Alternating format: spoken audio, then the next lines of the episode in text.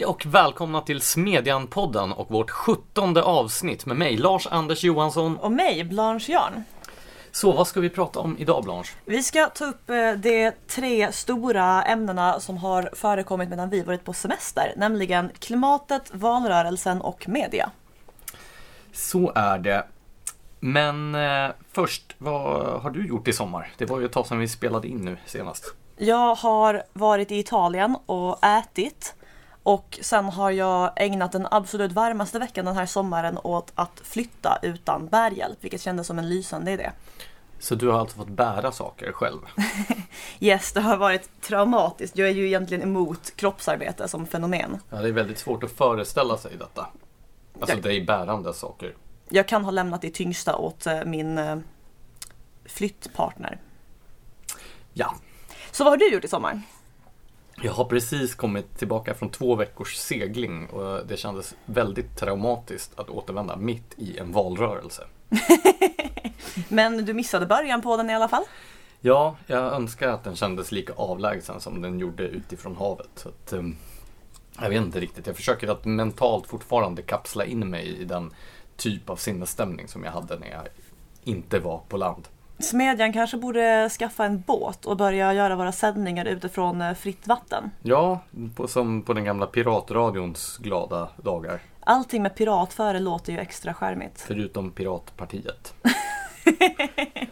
Det är sant.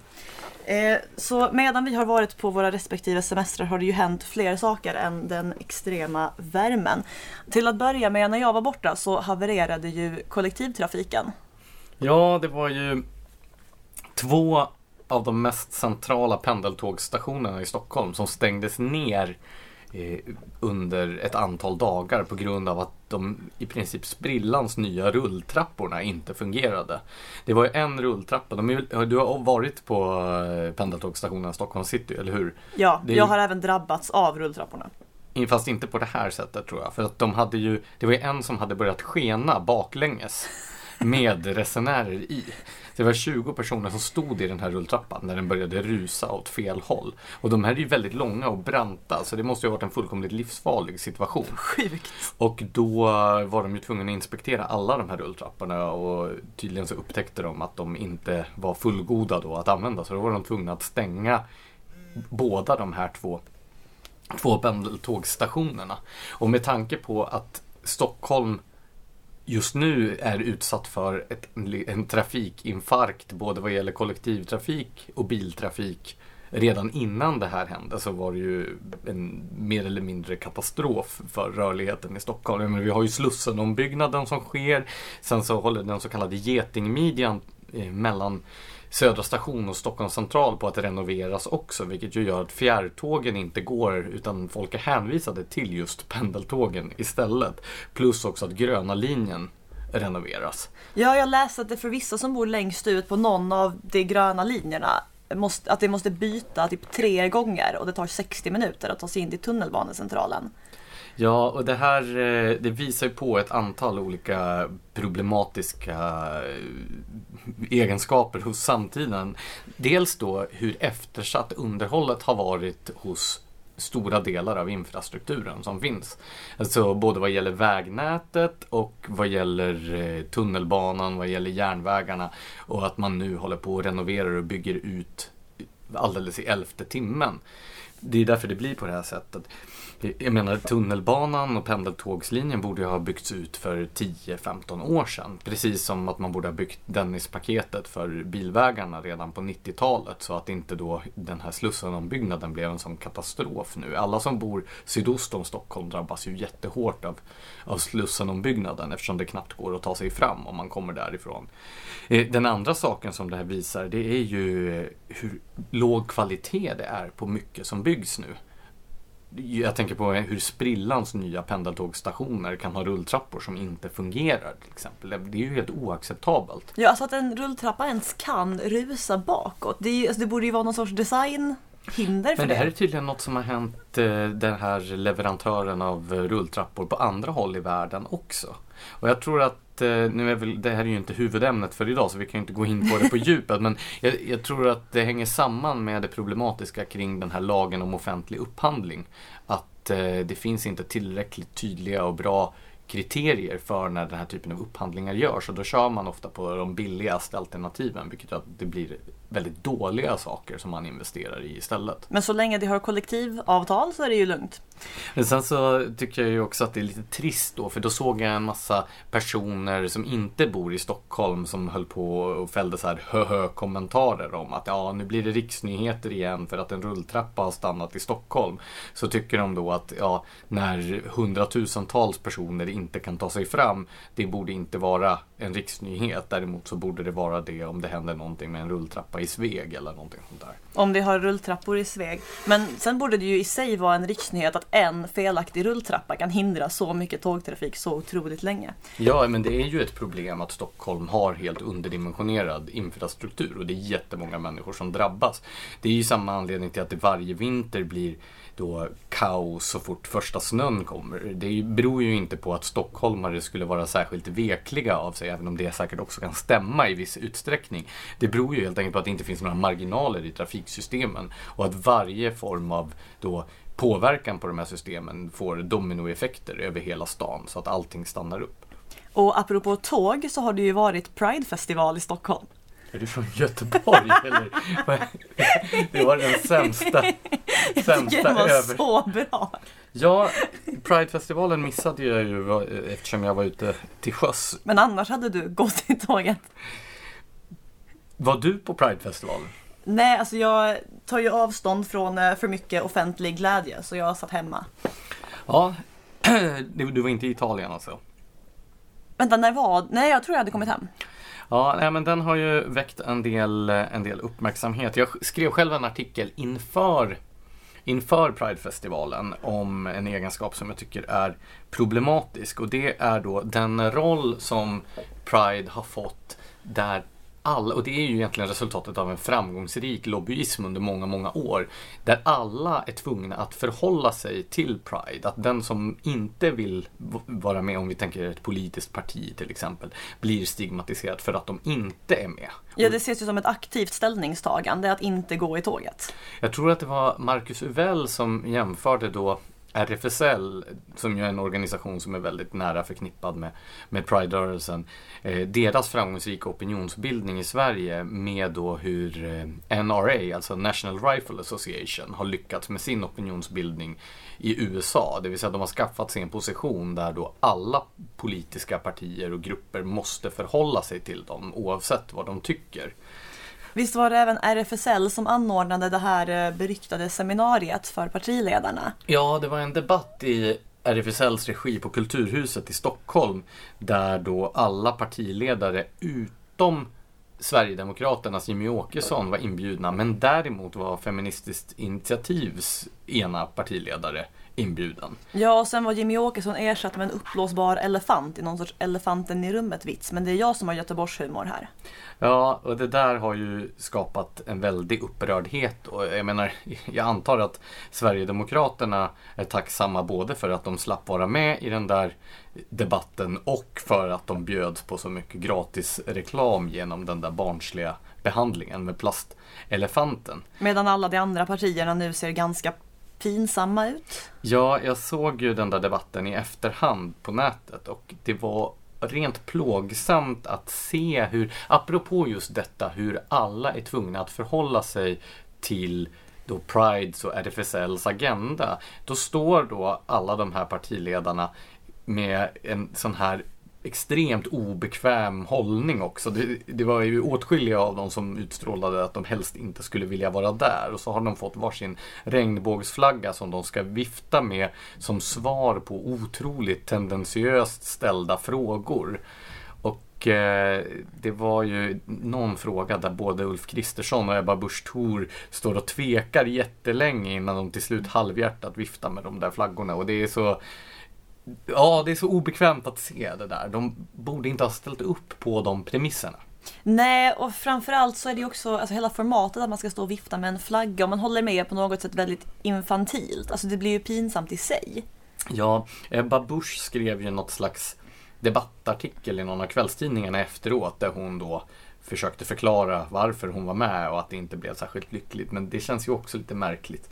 Det, det är flera som har dragit paralleller till när eh, Margaret Thatcher intervjuades av Stina Dabrowski och vägrade att ställa upp på det här hoppet som ingick.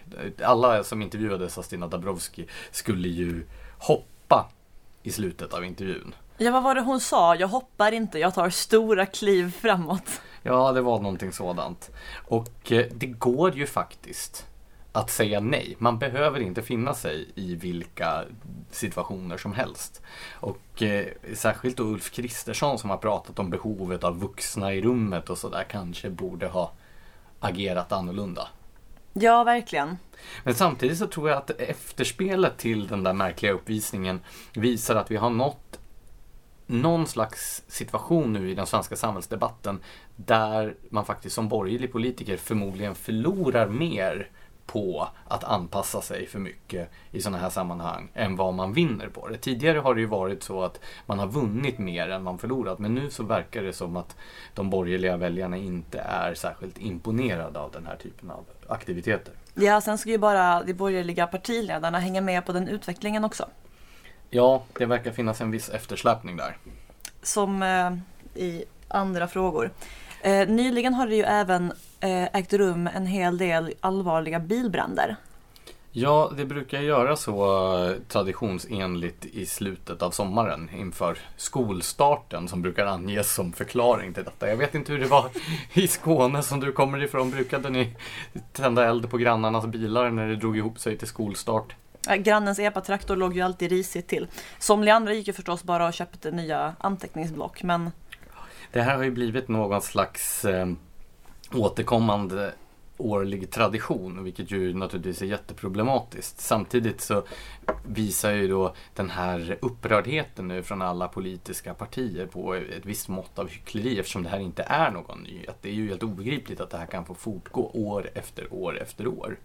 Och nu verkar det dessutom ha eskalerat. Nere i eh, Västra Götaland så såg man i de här amatörvideoklippen som har spridits på nätet hur de otroligt disciplinerade de var. De, de här busarna hade ju kundvagnar med bensindunkar i. Och så gick de runt så här från bil till bil och slog in rutorna och hällde bensin under bilarna och sen kastade in eh, sådana här bengaliska eldar för att de skulle fatta eld. Det är liksom extremt systematiskt och planerat. Men det går ju väldigt effektivt tillväga, verkligen.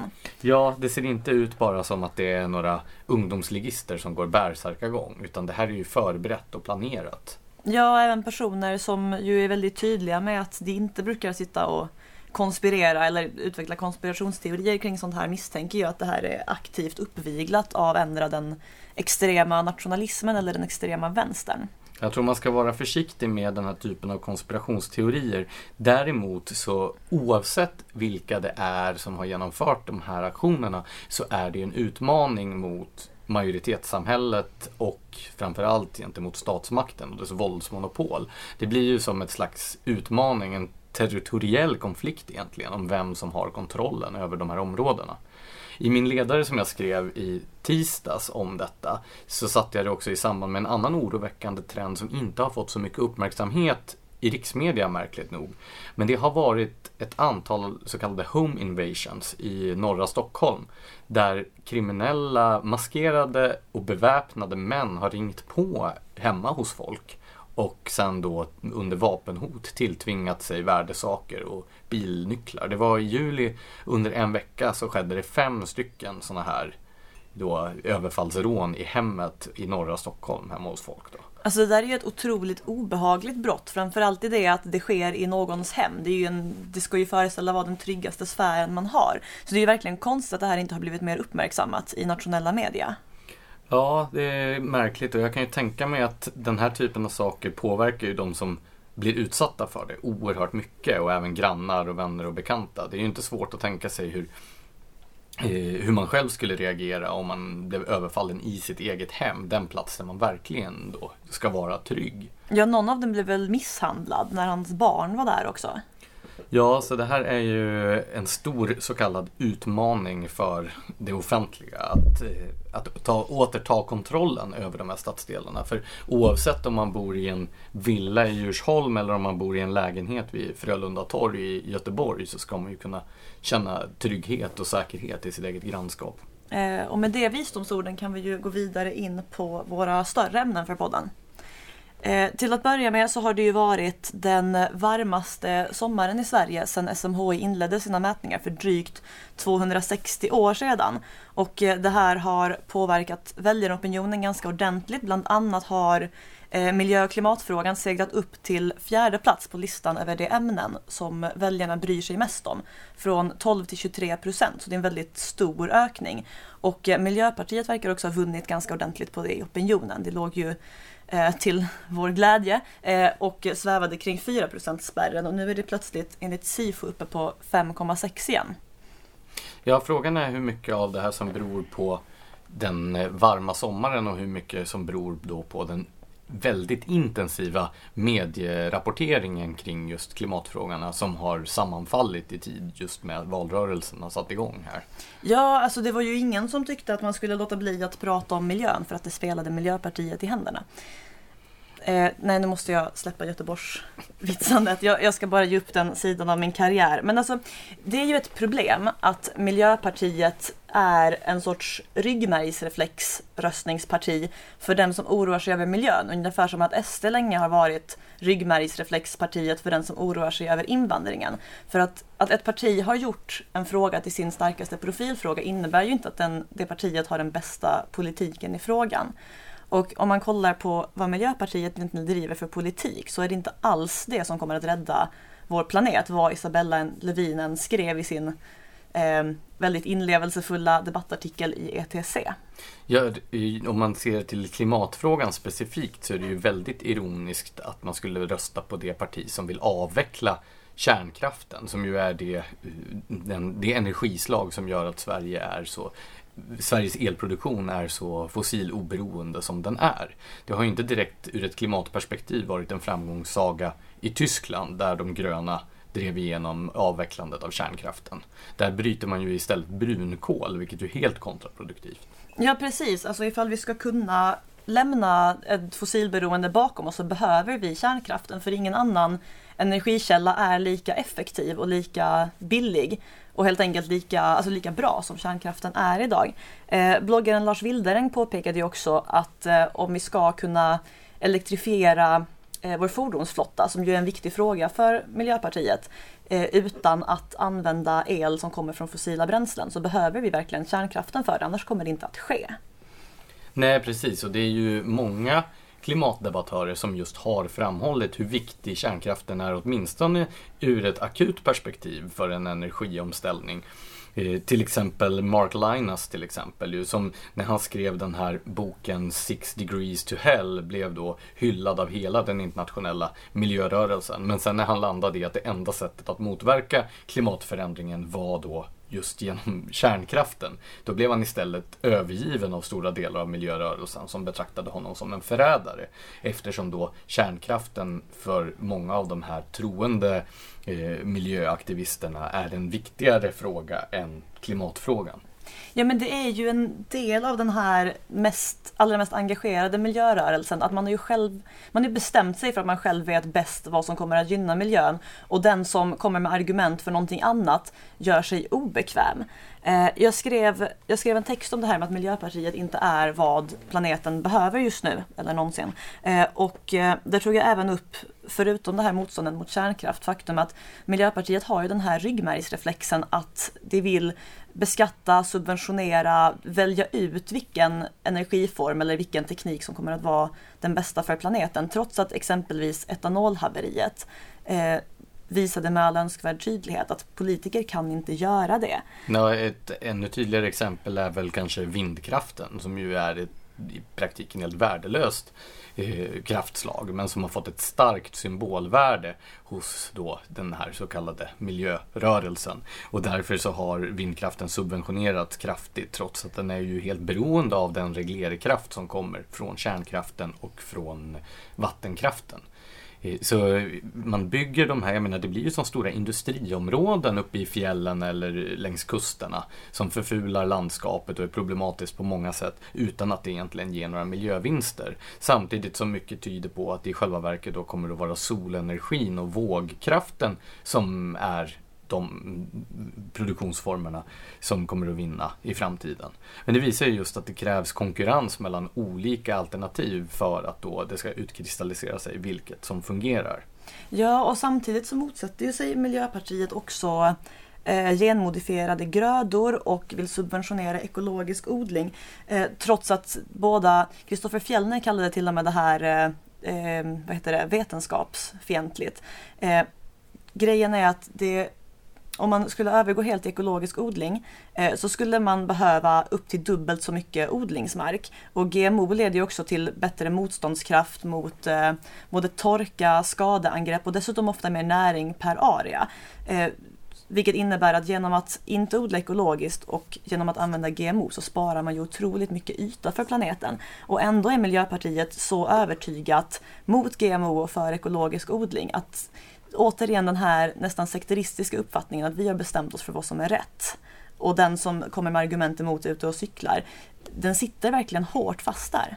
Ja, och det är ju också ironiskt nog det parti som är mest inne på eh, hårda regleringar som har gjort att det svenska jordbruket, eller det nordiska, europeiska jordbruket även eh, har mycket svårare att konkurrera på världsmarknaden. Så jag menar egentligen så är det ju inte så att vi har brist på odlingsbar mark. För några decennier sedan så var ju snarare det svenska problemet att vi producerade ett överskott på mat i, Sverige. Och sen då med EUs jordbrukspolitik så har det ju blivit att den här, hela den problematiken har flyttats upp på den europeiska nivån. Men Miljöpartiet driver ju en direkt jordbruksfientlig politik även. Så att ja, det, det, är svårt att se varför det skulle vara ett bra alternativ för den som bryr sig om vare sig då miljön i Sverige ur ett, ett slags ekosystemperspektiv eller den som är engagerad i klimatproblematiken. Ja, och de här problemen som Sveriges bönder har har ju verkligen blivit påtagliga under den här sommarens torka. Det gick ju otroligt länge innan det kom något regn och det var väldigt hög värme. Och Eh, du har ju skrivit en text om, visst var det du som skrev vår text om svenska bönder? Ja, den handlade om detta med konsumentmakten. Att eh, om man ser att det finns ett värde i att vi faktiskt håller jordbrukslandskapet öppet. Det är ju hela den här, jag menar det är ju ett kulturarv som vi har. Plus också att många av de biotoper som djur och växter är beroende av sedan tusentals år är odlingslandskapet. Ja, men då finns det också en anledning till att eh, rösta med plånboken så att säga och faktiskt stödja den, den produktionen. Men då den akuta krisen för de svenska bönderna den är ju en effekt av torkan och det är ju väldigt svårt att förutse. Det, är ju inte, det handlar ju inte om det politiska systemet eller så utan det är ju missväxt på grund av att vädret har varit som det är. Jo men just, jag tänker mer att ju smalare marginaler man har, vilket ju kan påverkas av politiska beslut, desto svårare blir det ju att hantera något sånt som extrema väder. Ja, så är det naturligtvis. Men jag tror att det är väldigt farligt nu också att som många i medierna gör, dra för stora växlar på en varm sommar. Om somrarna framöver nu blir så här varma, ja men då är det ju en del i en större trend. Men det verkar som många har glömt redan att förra sommaren klagade vi över att det aldrig blev riktigt varmt. Det var ju en av de kallare somrarna på mycket, mycket länge. Så att det, den här värmeböljan har ju varit problematisk både för bönderna och för alla som har drabbats av skogsbränder. Men det är ju inte det slutgiltiga beviset för klimatfrågorna. Då måste man ju titta på de större trenderna i så fall. Ja, det här handlar vad jag förstår om att det helt enkelt har varit en serie högtryck som följt av varandra och sånt kan ju faktiskt inträffa även under en kallare period. Ja, det finns en fara att blanda ihop väder och klimat. Och eh, där kan man det har ju spritts nu en hel del konspirationsteorier om att medierna skriver så mycket om eh, klimatfrågan för då att rädda, att rädda kvar Eh, Miljöpartiet i riksdagen.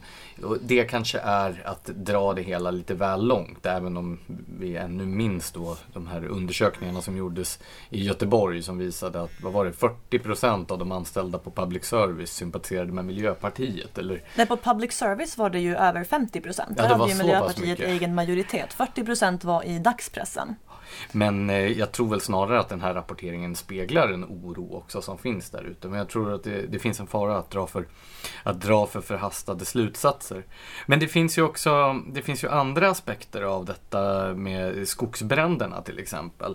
Och eh, det positiva, det är ju att skogsbränder ju faktiskt miss, de minskar ju hela tiden. På till exempel 20 och 30-talen så brann det oerhört mycket mer i Sverige än vad det gör idag. Men vi har ju väldigt, eh, ett väldigt kort minne.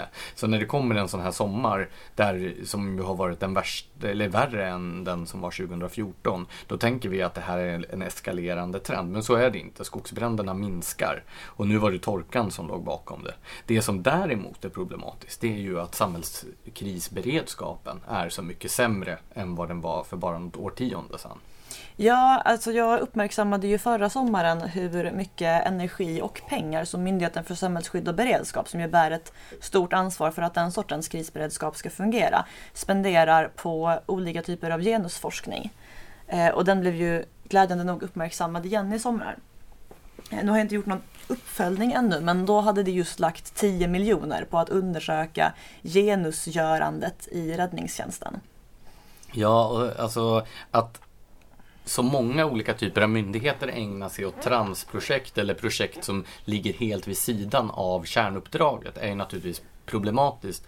Men jag tror att den största bristen handlar om hur landets kommuner successivt har skurit ner på räddningstjänst och krisberedskap.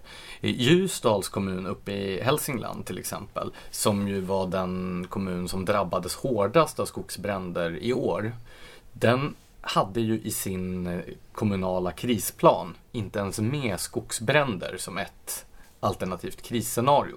Hur kan man inte ha med skogsbränder som ett krisscenario när man har en kommun där? Ja, och om man är en kommun som består i princip bara av skog. Nej, det är helt anmärkningsvärt. Men det som man kan se runt om i landet är ju att det har skurits ner på räddningstjänster och att det har skett en sån här olycklig centralisering som sker nästan överallt. Att man har lagt ner små lokala brandstationer som då hade kunnat vara nära och släcka bränder när de först uppstår och istället byggt större centrala brandstationer, så längre bort från där bränderna inträffar. Å andra sidan har ju det civilsamhälleliga engagemanget i bränderna varit stort vad jag förstått. Jo, så är det och det är massor med människor, framförallt då all den här hemvärnspersonalen som frivilligt har ryckt in. Men så ska det ju inte behöva vara. Jag menar hemvärnet har ju egentligen inte som uppgift att ägna sig åt brandbekämpning. Och där tyckte jag det var märkligt. Var det, all, var det alla allianspartierna eller var det Moderaterna som gjorde något utspel om att eh, Försvarsmakten skulle kunna sätta sig in i sådana här. Men det är ju inte alls det det som är Försvarsmaktens uppdrag. Och det ska inte heller behövas att Försvarsmakten gör det, utan det ska ju finnas nationella resurser alltså som riktas in mot landet som ska Ja, precis. Det. Att det, det börjar ju bli en trend nu att politiska partier gör utspel om hur då försvaret, som ju är krympt till, till oigenkännlighet, ska kunna fylla alla andra havererade samhällsområdens uppgifter. Nu ja, och dessutom uppfostra ungdomen. Nu senast var det väl Jimmy Åkesson som uttalade sig om att man skulle sätta in Försvarsmakten mot de här bilbrännarna och så. Och det är ju inte heller Försvarsmaktens uppgift. Så det går ju inte att ersätta en krympande brandkår och en krympande poliskår med en krympande försvarsmakt. Det är ju oerhört feltänkt. Nej precis, även i värnpliktsdebatten så har det ju varit folk som argumenterat för att eh, försvaret bör fylla den funktion som skolan och i någon mån civilsamhället misslyckas med, nämligen att uppfostra ungdomar helt enkelt. Ja, alltså om alla de här förslagen blev verklighet, det vill säga att allting i samhället ska lösas av Försvarsmakten, vad är det för typ av, eh, av eh, samhälle vi får då? Det blir så här, this is Sparta på något sätt. Den totala militärstaten. Alltså när du refererar till is Sparta säljer du ju in det rätt bra. Ja, men det är för att du ser för dig en massa vältränade män i skinnkalsonger, eller hur? jag har ingen kommentar. En sak till som jag tänkte på bara angående detta med krisberedskapen. Det är ju det här med vattenbombningsplanen då. Där eh, vi har generöst nog fått låna in sådana plan från från Italien och Frankrike eftersom vi då inte har någon egen beredskap för sådana här saker. Och det har en massa personer i debatten använt som ett argument för att det är så fantastiskt bra med EU-medlemskapet för då behöver vi inte ha någon egen krisberedskap. Men det där är ju så fel, för till att börja med behöver vi ju visst ha en egen krisberedskap. Och sen är det ju inte som att länder skulle vägra låna ut sådana saker till länder som inte är med i EU. Så här, hade Norge haft den här planen skulle det ju inte vara principiellt emot att låna ut den till oss för att vi är med i EU.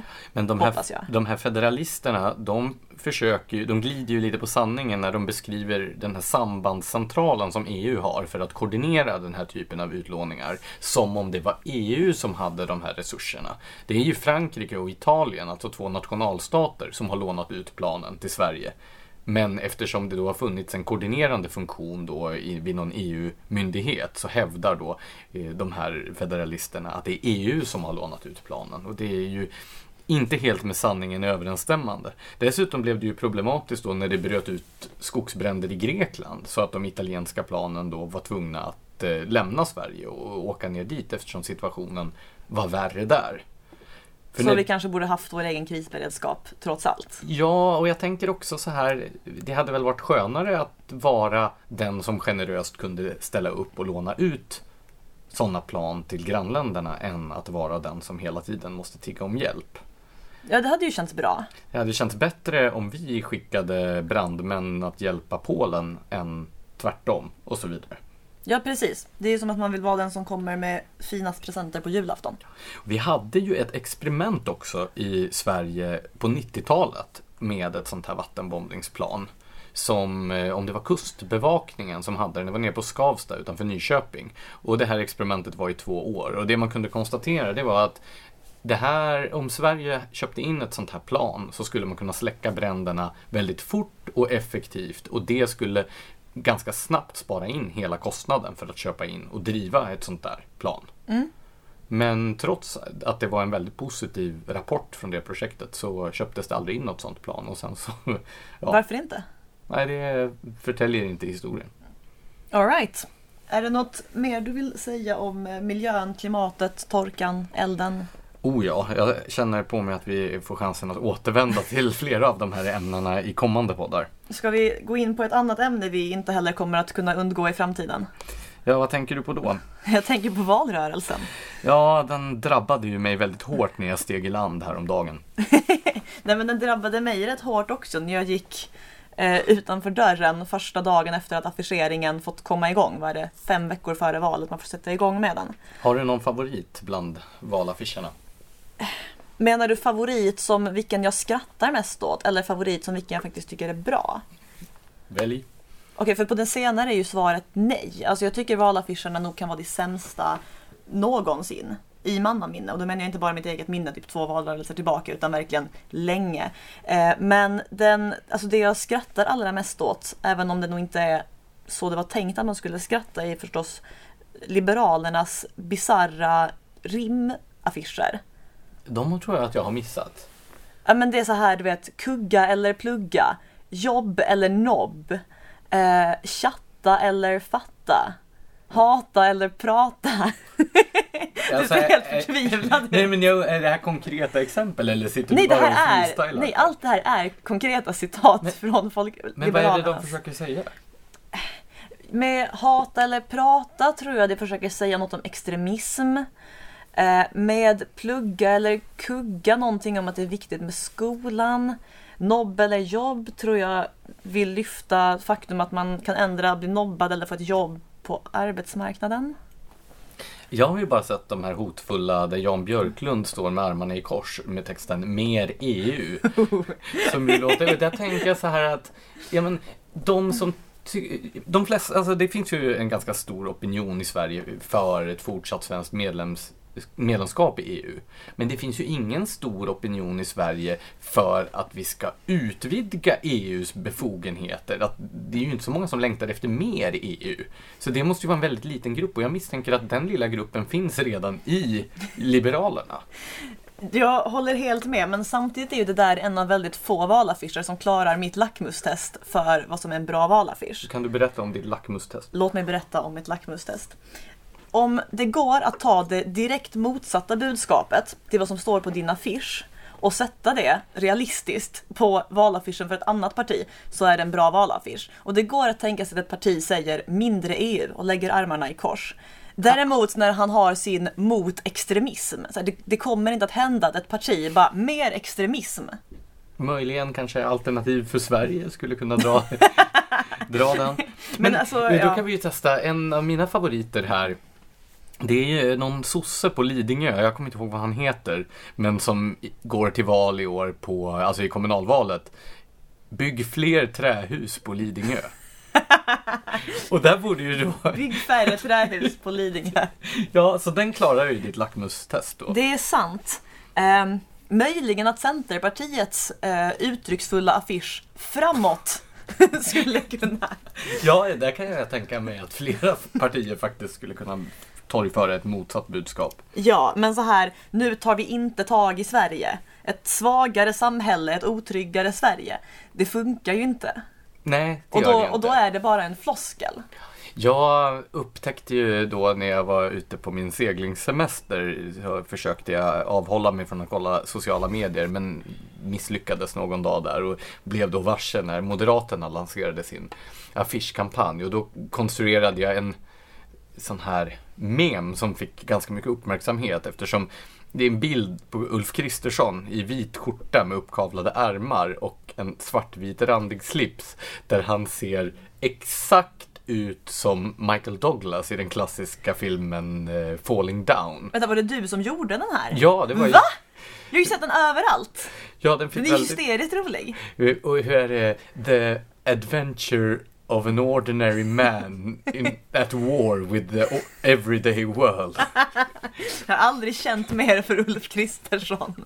Men han ser ju verkligen sådär bistert sammanbiten ut och har de här rektangulära glasögonen, den vita skjortan med uppkavlade ärmar och ju pricken över i är ju att han har en identisk slips som Michael Douglas Ja, har. så det är ju lika breda ränder, det lutar i samma vinkel. Det borde inte kunna vara möjligt. Alltså, någon någonstans har ju nyligen sett den här filmen och rent undermedvetet bara föreställt sig att det här är vad jag vill ska representera Moderaterna. Men jag kan tänka mig att det är lite så det kanske känns att vara Ulf Kristersson i den här valrörelsen. An också. ordinary man At war with the everyday world. ja. Eh, mer om eh, valrörelsen då. Du har... eh, Du har Jag har ju fler saker jag stör mig på. Ja, om det är det du menar. Okej, jag har upptäckt att ett relativt stort antal partier på fullt allvar, helt oironiskt, använder emojis i sin offentliga kommunikation. Och det här är så bisarrt. Alltså emojis för den kanske äldre lyssnare som har haft glädjen att undkomma detta. är de här små bilderna, ofta typ ett gult ansikte som gör en grimas eller tummen upp eller så. Eh, som man kan sätta in eh, i vanlig text. Men det var Gunnar Hökmark som började med det här, var det inte det? Var det det? Ja, åtminstone var det den första som jag upptäckte. Hmm. Och så hade han alltid det här dela om du håller med. Ja, och så med en tummen upp. För Ja, att man verkligen ska förstå precis. att man ska gilla och, och dela. Ja. Eh, och det är ju så här, det finns ju två problem med det här. Till att börja med så får det partiet som använder sådana här emojis att verka eh, inkompetent. Och det här är inte bara min personliga uppfattning utan det finns en vetenskaplig studie från Ben Gurion universitetet eh, som tittade på användningen av vad jag nu lärde mig kallas emoticons. Det är alltså du vet gammaldags smileys med typ ett kolon och ett eh, Ja, sådana som man gjorde med skiljetecken. Helt. Precis, sådana som i alla fall kräver lite kreativitet och därför rankas lite högre enligt mig. Men i alla fall, då hade det gjort tester där folk fick läsa mail, eh, alltså jobbmail, eh, från personer där vissa innehöll eh, smileys och vissa inte gjorde det. Och det uppfattade konsekvent den som använde smileys som mindre kompetenta. Dessutom så verkar det ju som att partierna tror att vi väljare är inkompetenta om de känner att de behöver komplettera sin text med små gulliga bilder för att vi ska ta till oss budskapet. Alltså man blir ju själv förolämpad. Ja, varför tror du att de gör så här då? Alltså så här, det är ju inte första gången jag har fått känslan av att vissa partier tror väljare är dumma i huvudet.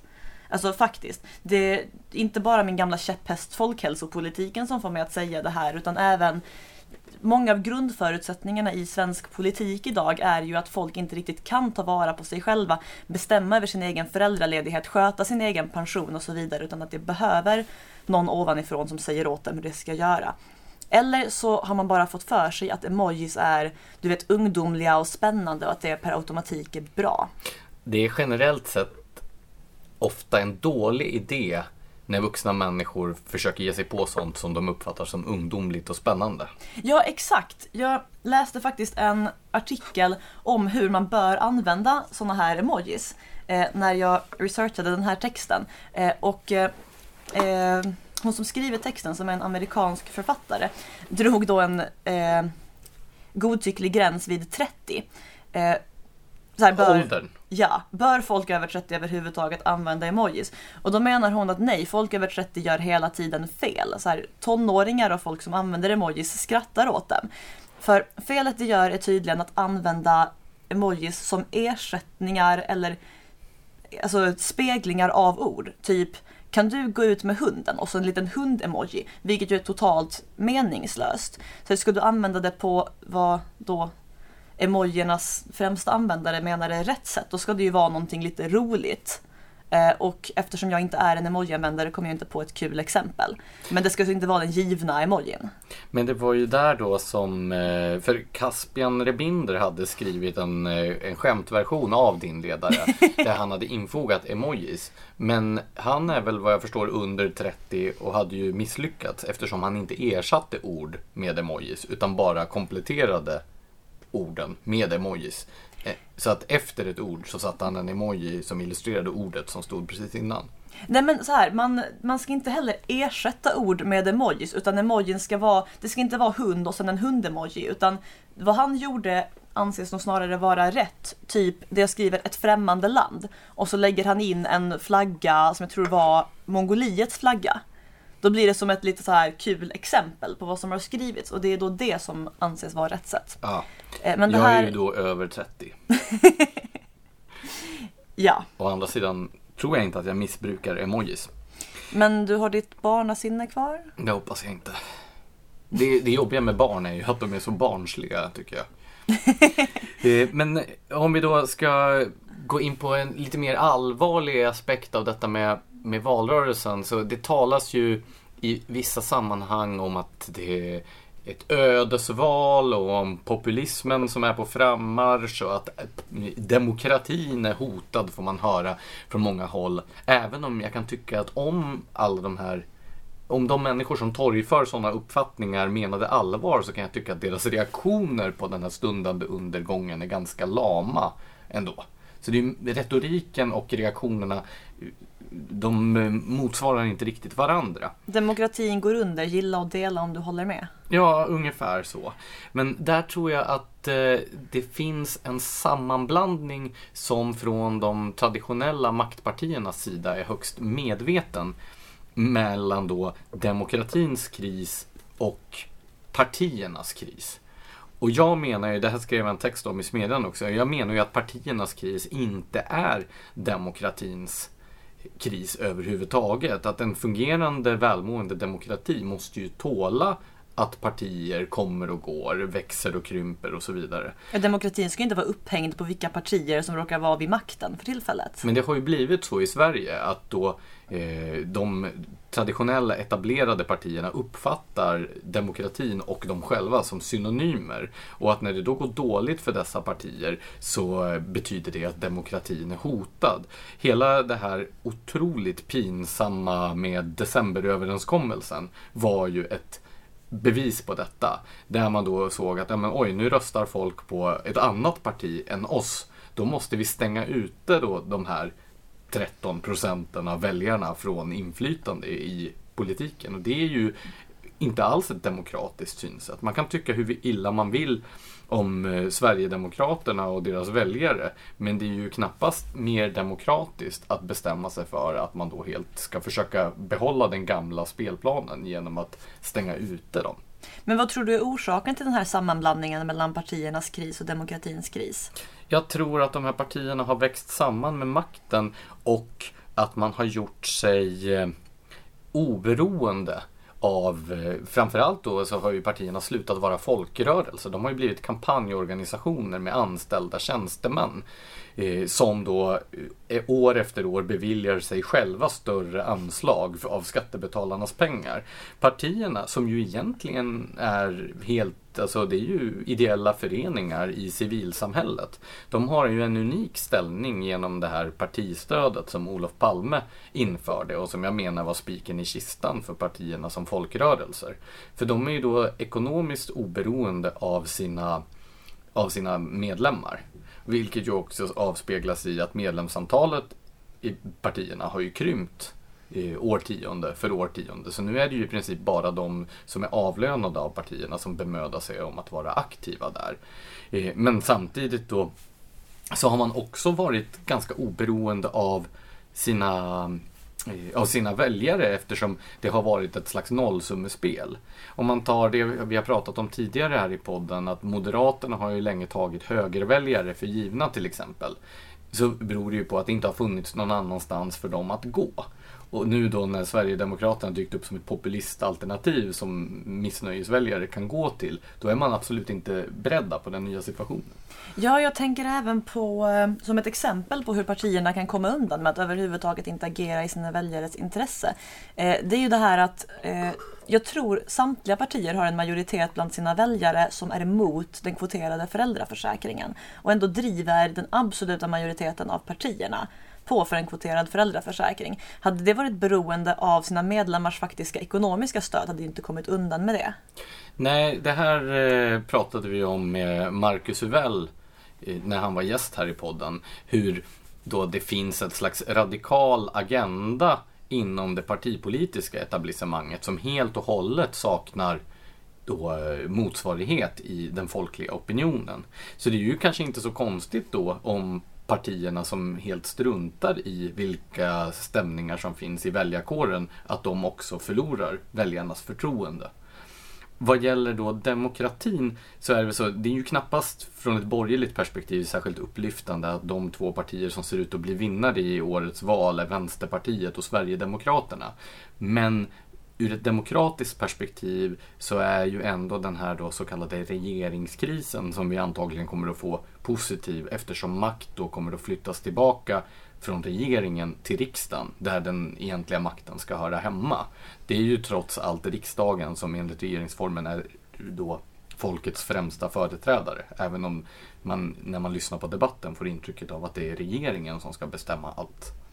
Ja, det där kan ju också kopplas till att det tyvärr har varit Sverigedemokraterna och Vänsterpartiet som faktiskt har hållit sig tydligast i sin egen linje och argumenterat mer principiellt och mindre så här, sakfrågamässigt för vad de tycker. Och på ett sätt är det ju positivt att den sortens eh, ideologiska konsekvens avspeglas i eh, väljarsiffrorna. Sen kunde man ju bara önska att det var bättre ideologier som avspeglades.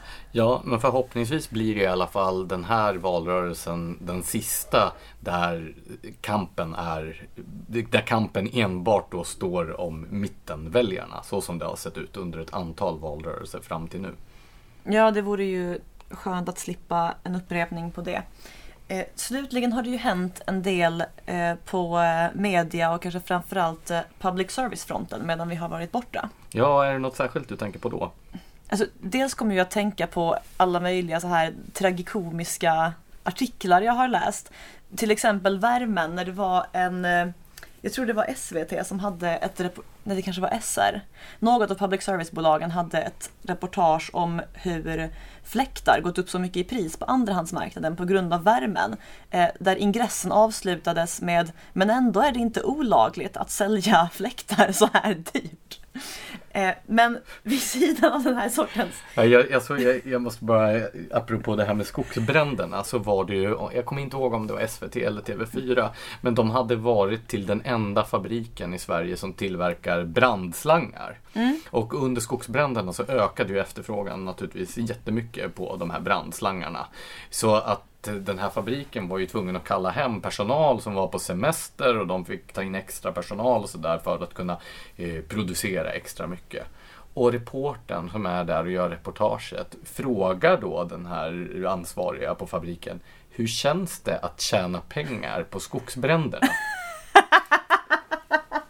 alltså, alltså, jag kan inte ens Nej. Det här är så dålig journalistik. Det är helt sjukt. Så här, Nej, det känns jättedåligt. Jag borde egentligen lägga ner min fabrik så det inte finns några fler brandslangar. Jag borde sköta det här ideellt och gräsrots gräsrotsfundat. Folk borde tillverka brandslangar på sin fritid, gratis. hantverksmässigt. Det här är så sjukt. Men så här, det har ju varit ett antal mer, mer seriösa problem som man kanske inte är lika benägen att gapskratta åt. Eh, till exempel så har ju eh, den här faktiskt.se, det stora mediebolagens faktagrans gemensamma faktagranskningssida, kickade igång ordentligt nu i valrörelsen. Och Äntligen! som vi alla har väntat och längtat. Eh, och eh, DN har väckt uppmärksamhet genom att börja faktagranska åsikter. Åsikter Den såg inte... vi inte komma. nej, nej. Eh, man, man kan ju tycka att åsikter i egenskap av inte fakta inte borde gå att faktagranska. Men när den moderata riksdagsledamoten Hanif Bali eh, sa att antalet asylärenden ligger på citat abnormt höga nivåer, slutcitat. Eh, så kom DNs granskare fram till att det här är helt fel. Orsaken till detta är nämligen att eh, DNs faktagranskare har bestämt sig för att vad han menar är abnormt höga nivåer i förhållande till hur det har varit tidigare i Sveriges historia. Eh, vilket ju absolut inte är den givna tolkningen. Det kan ju lika gärna vara abnormt höga i förhållande till andra EU-länder eller i förhållande till hur jag tycker det borde vara. Eller som Hanif Bali uttryckligen sa till DN i förhållande till vad vi har råd med. Men det här bortsåg DN alltså från och stämplade det här som helt fel, vilket ju är skruvat på riktigt. Ja, och just när det kommer till faktagranskning så har ju just Dagens Nyheter en hel del trovärdighetsproblem. Det förtjänar ju att påminnas ännu en gång om då Koppargården-haveriet. Mm.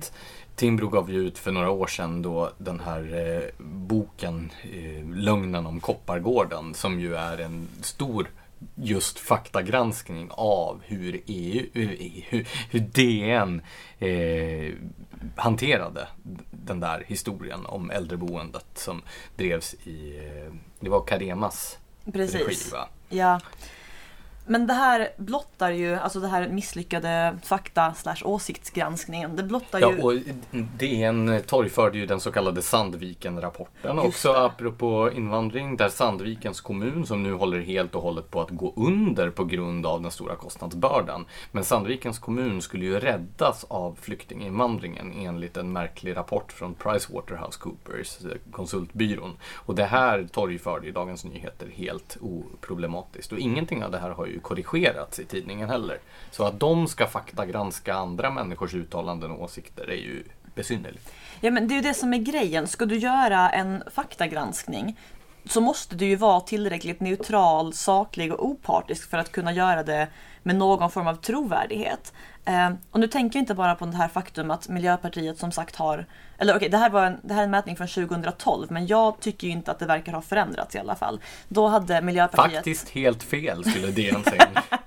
det skulle det utan tvekan göra. Eh, men i alla fall ett 40-procentigt stöd eh, i dagspressen. Det behöver ju inte innebära att man saknar förmågan att förhålla sig sakligt till saker. Men ibland innebär det ju det.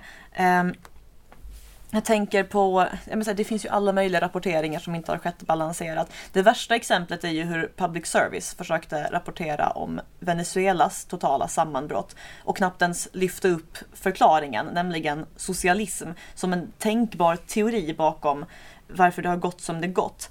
Eh, det här speglas också i förtroendesiffrorna för eh, media som ju sjunker ganska ständigt. Eh, förtroendebarometern i år hade en intressant uppdelning av eh, förtroendesiffrorna för public service. Det fanns tyvärr ingen likadan för dagspressen men jag kan tänka mig att det ser lite liknande ut. Eh, då hade de frågat väljare hos de olika blocken vad de har för förtroende för public service. Och eh, de rödgröna väljarna där hade 77 procent förtroende för public service. Bland alliansväljare var siffran 62 och bland SD-väljare 27. Och det här säger ju också någonting om hur DN lyckas med sitt, sina försök att uppfattas som partiskt, eller opartiskt och sakligt. Ja, eh, Blandar du ihop DN och public service nu?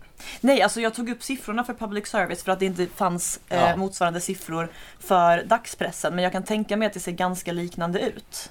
Just vad gäller public service så är det ju också problematiskt nu ur två perspektiv som vi har skrivit om vid flera tillfällen i smedjan. Det ena är ju detta att det fortfarande saknas rutiner för utvärdering och uppföljning av saklighet och eh, tendens i public service programinnehåll. Det finns alltså ingen sådan instans. De brukar ju själva hänvisa till granskningsnämnden för radio och TV, men den gör ju inte sådana granskningar.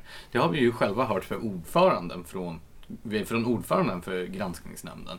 Det är inte deras uppdrag att göra sånt. Och public service-företagen gör inte ens egna sådana här uppföljningar av eh, saklighet och opartiskhet. Så att ingenstans granskas det. Och det andra, det är ju då eh, tvångsfinansieringen, nämligen att man, om man har en tv-mottagare så måste man i praktiken betala för detta. Och nu vill ju, är det alla partier eller de flesta partier dessutom göra att det blir omöjligt att undvika att betala för public service genom att lägga det som en skatt.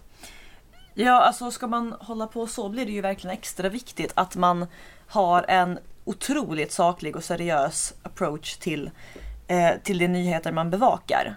Men varför ska de ha det? De belönas ju nu med ännu säkrare eh, finansiering och ingen ställer några krav på utvärdering och uppföljning. Det är, Det är sant. en helt omvänd incitamentstruktur här. Det, signalen som kommer från eh, våra kära folkvalda är ju istället tuta och kör. Ja, det kanske är därför det känns som att media har ballat ur lite extra under sommaren. Förutom de här exemplen vi skrattade åt i början av det här segmentet så erinrar jag mig nu också hur programledarna för SVTs barnprogram Sommarlov eh, skulle förklara vad yttrandefrihet är för barn. Eller så här, vad det skulle lära ut att yttrandefrihet är. Sitter du och tittar på sommarlov alltså när du är ledig? Ja, gud ja. Det är min, eh, min favoritsysselsättning när jag är ledig. Eh, jag tycker så mycket om den här hetsiga tonen och eh, de glada färgerna i barnprogram. Så här definierar Sommarlov yttrandefrihet. I en demokrati så har man yttrandefrihet som betyder att alla får säga och tänka precis vad de vill så länge de inte sårar eller är taskig mot någon. Alltså att man, inte, alltså att man kränker någon annan person. Men det är ju inte alls vad yttrandefrihet innebär. Det är inte ens i närheten av vad yttrandefrihet innebär. Yttrandefrihet är ju att du får säga och tänka precis vad du vill. Punkt. Och även den svenska, en aning urvattnade versionen av yttrandefrihet vi har innebär att du får säga och tänka precis vad du vill så länge du inte begår ett brott, typ olaga hot, förtal, hets mot folkgrupp. Jo, men då handlar det ju fortfarande om inskränkningar i yttrandefriheten. Precis. Så att yttrandefriheten är ju fortfarande att säga de där sakerna. Sen har vi ju inte oinskränkt yttrandefrihet. Nej, men själva fenomenet yttrandefrihet är ju absolut och sen kan du inskränka det. Ja. Precis. Eh, men om man tar det här i kombination med vad folk kan bli sårade av idag eller tycka är taskigt. Jag tänker på de här mikroaggressionerna eh, som har varit en grej på campus och så på sistone.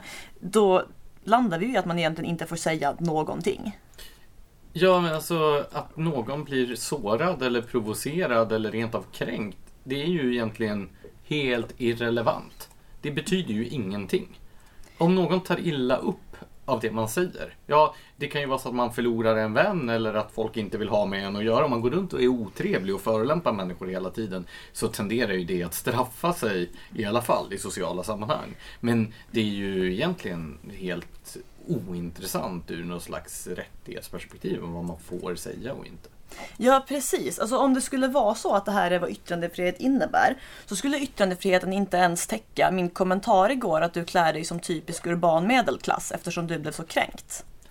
Men det här är alltså vad Sveriges Television för och public service-avgiften eh, lär barn och ungdomar att yttrandefrihet är. Yes, och det är argument nummer 1712 på min lista över saker som eh, bör vara anledningar att vi slutar betala till att börja med public service-skatt men i förlängningen överhuvudtaget någon sorts licenspengar. Man hade ju kunnat önska att något av de borgerliga partierna hade haft sina på sina valaffischer. Nu tar vi tag i public service. Eller, kanske nu lägger vi ner. Nu sänker vi skatten. Ja, det, alltså det finns ju... Nu går vi med i NATO. Mer NATO. Det hade väl säkert eh, Liberalerna säkert ställt upp på också, antar jag. Eh, har du någonting mer på detta medierna och eh, public service som du vill lufta innan vi avrundar det här avsnittet? Nej, jag har fått prata ut om det jag behövde prata ut om. Däremot så har vi ju fått en lyssnarfråga. Ja, det var till avsnittet där vi talade skola med Isak Skogstad, eller hur? Precis, och eh, vi utelämnade då en viktig bit av vår poddtradition, vilket Viktor Sjödin har påpekat för oss på Facebook. Klipptes den obligatoriska frågan om Dismember versus Amon Amart bort? Ja, det är ju en mycket viktig fråga. Eh, Alltså både frågan om frågan klipptes bort och själva sakfrågan.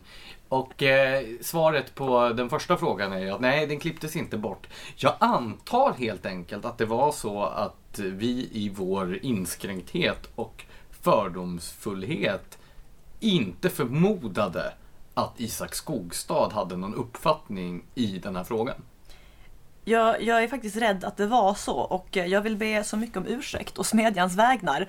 För, Framförallt till Isak Skogstad då, som missade att få den här frågan. Men vi skulle ju kunna göra så att vi hör av oss till Isak och frågar om han har någon uppfattning i frågan om Dismember eller Amon Amart. Låt oss göra det och återkomma i nästa podd med ett svar så att det här hemska mörka frågetecknet inte behöver hänga över oss längre. Så, och eh, med detta klargörande så avslutar vi det här avsnittet. Tackar för att ni har lyssnat och eh, kommentera våra artiklar, skicka in eh, lyssnarfrågor och fortsätt naturligtvis att lyssna på podden så hörs vi om en vecka. Ha en bra helg!